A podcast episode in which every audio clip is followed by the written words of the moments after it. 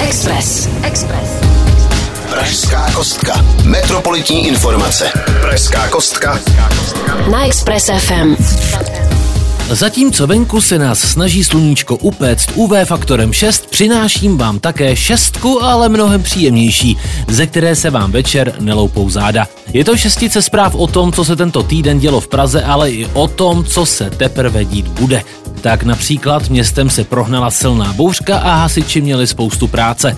Pražská zoo pomáhá zachraňovat populaci volavky císařské v Butánu, elektrokoloběžky dostanou rychlostní limit. Pak tu máme pozitivní zprávu o tom, že přibudou městské byty pro zdravotníky a na závěr se dozvíte o tom, že hlavní město chce po vládě, aby nerušilo nošení respirátorů. Teď už se můžete, milí posluchači, pohodlně posadit a zaposlouchat, protože pokud jste připraveni, tak 3, 2, 1, pražská kostka je vržena.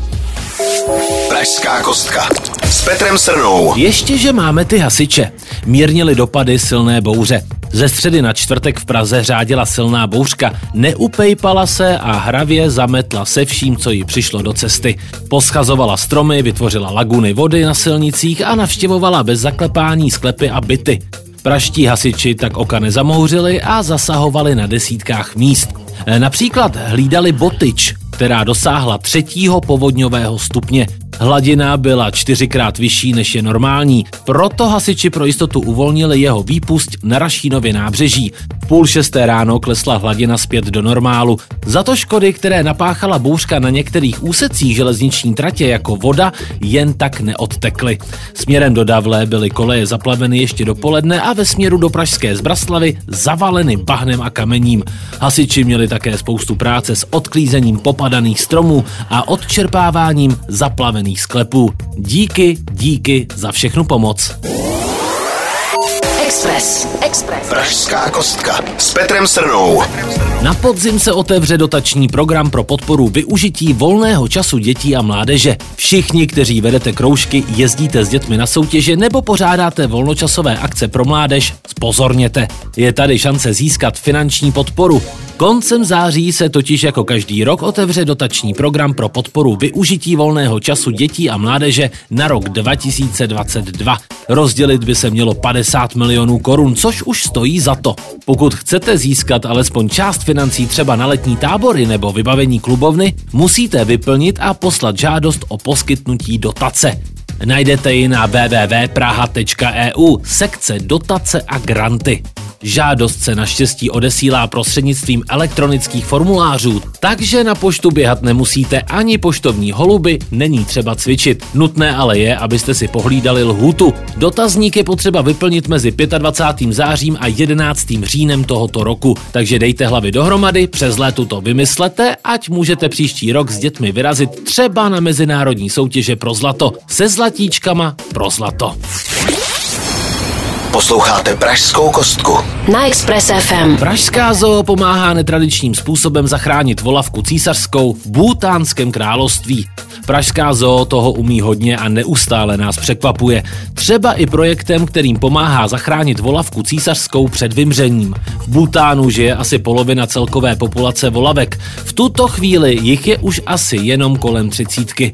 Situace vypadá bledě, protože volavky ohrožuje i nová výstavba hydroelektráren. A tak začala zoo už před několika lety pracovat na projektu, který by měl pomoct volavkám přežít. Způsob záchrany vám možná bude připadat trochu barbarský, ale když počkáte, všechno vám vysvětlím. V rámci projektu jsou totiž odebírána mláďata z posledních hnízd. Z nich se má vytvořit záložní populace v chovné stanici. Pokud vám naskočilo do hlavy zloděj ptáčátek, tak se vám nedivím. Jenže chovatelé odebírají z hnízd pouze mláďata, která by v přírodě nepřežila. Do každého hnízda se totiž vylíhnou asi čtyři volavky, přežijí však maximálně dvě, spíš jedna. To však není vše, s čím zoo pomáhá. Od roku 2017 zaučuje butánské chovatele a pomáhá s výstavbou chovné stanice. Tak držím palce, ať se ptáčátům ve voliérách daří. Snad se podaří volavku císařskou zachránit a bude si zase moct žít svůj nerušený introvertní život někde na břehu řeky, lovit si rybky a sledovat západ slunce. Samozřejmě bez hluku hydroelektráren. Express. Express. Pražská kostka s Petrem Srnou. Prr, prr, ne tak rychle. Praha chce omezit rychlost pro koloběžky, tedy přesněji pro elektrokoloběžky. Elektrokoloběžka, rychlá, ekologická, ale hlavně zábavná. Potěší nejen Pražany, ale hlavně turisty. Jenže je tu háček. Koloběžky mohou jezdit po některých chodnících a pěších zónách a to rychlostí až 20 km za hodinu. Město to hodnotí jako ohrožující a proto plánuje připravit novelu, která má přistřihnout křídla všem laudům i huntům. Ideálně by měli koloběžkáři upravit rychlost podle situace a nefičet si to dvacítkou po plném chodníku, jenže to se neděje. I proto magistrát jedná s městskou policií o větší kontrole elektrokoloběžkářů. To se netýká jen dodržování rychlosti, ale také parkování, které často vypadá, jako by ho provádělo dvouleté dítě. Však to znáte, zahnete za roh, instinktivně se podíváte pod nohy, abyste náhodou nešlápl do nějakého psího dárečku a ona tam leží rozpláclá koloběžka. Poklidné cesty na tramvaj se v tu chvíli stává překážková dráha. Vy jste nuceni předvést skok daleký i vysoký, ještě ke všemu nedej bože, podpacích nebo obleku. Hořce zalitujete, že vás v tu chvíli nevidí tělocvikář ze základky, protože takový výkon jste mu nebyli schopni předvést za celých 9 let. Vy úspěšně přeskočíte, zanadávat si na firmu LIM, která koloběžky provozuje a pokračujete v klidu dál. Tak eh, těmto nuceným parkurovým krácím bude snad díky chystané novele konec. Pražská kostka. Metropolitní informace. Na Express FM. Víc bytů pro zdravotníky a sociální pracovníky třeba pak nebudou utíkat do jiných oborů. Pražský magistrát se rozhodl navýšit počet městských bytů, které jsou určeny pro zdravotníky a pro pracovnice a pracovníky příspěvkových organizací hlavního města Prahy ve zdravotní a sociální oblasti. V tuto chvíli pro ně byla vyhrazena necelá stovka, nyní by jich mělo o 50 přibít. Motivací pro tento krok je udržet si zdravotníky v jejich oboru. Dalším důvodem je i to, že město dostává spoustu žádostí o byty, kterým doposud nemohlo vyhovět. Proto byla kvóta navýšena. Byty budou přerozdělovány postupně s tím, jak jim budou končit nájemní smlouvy a jak budou rekonstruovány. No a jakmile bude určeno, kdo se kam může stěhovat, nastane den D a vypukne akce Kulový blesk. Zdravotníkům a sociálním pracovníkům se bude lépe žít a nebudou utíkat do marketingu. Teda aspoň doufám. Pražská kostka s Petrem Srnou. Praha žádá po vládě nerušte nošení respirátorů. Během minulého týdne byl zaznamenán nárůst covid pozitivních lidí. Docela bummer. Mezi regiony Česka je Praha v absolutním čísle aktuálně krajem s nejvyšším výskytem COVID-19.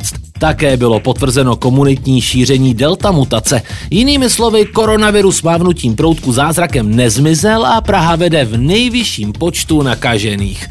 Bezpečnostní rada hlavního města Prahy proto zhodnotila celkovou epidemiologickou situaci a žádá, aby bylo stále nařízeno nošení respirátorů v MHD. Chtějí se tak vyhnout případné třetí vlně a opakování se scénáře loňského roku. Opatrností není u covidu zřejmě nikdy dost, tak uvidíme, co na to poví vláda. Pražská kostka. Metropolitní informace. Na Express FM.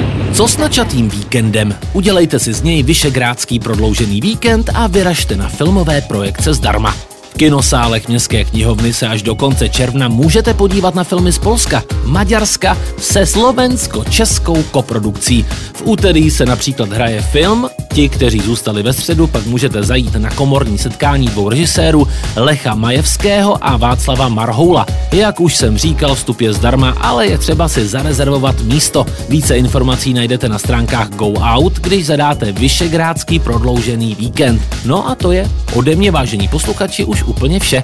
Pokud jste některou ze zpráv nestihli a chtěli byste si ji poslechnout znovu, zaměřte do podcastu. No a pro ty z vás, kteří se to každý den brousí po sociálních sítích, nezapomeňte ani na ty sociální sítě tohoto rádia. No a teď mi nezbývá, než vám krom pevného zdraví popřát hezký den a hezký týden, milí Pražané. Pražská kostka. Metropolitní informace. Na Express FM.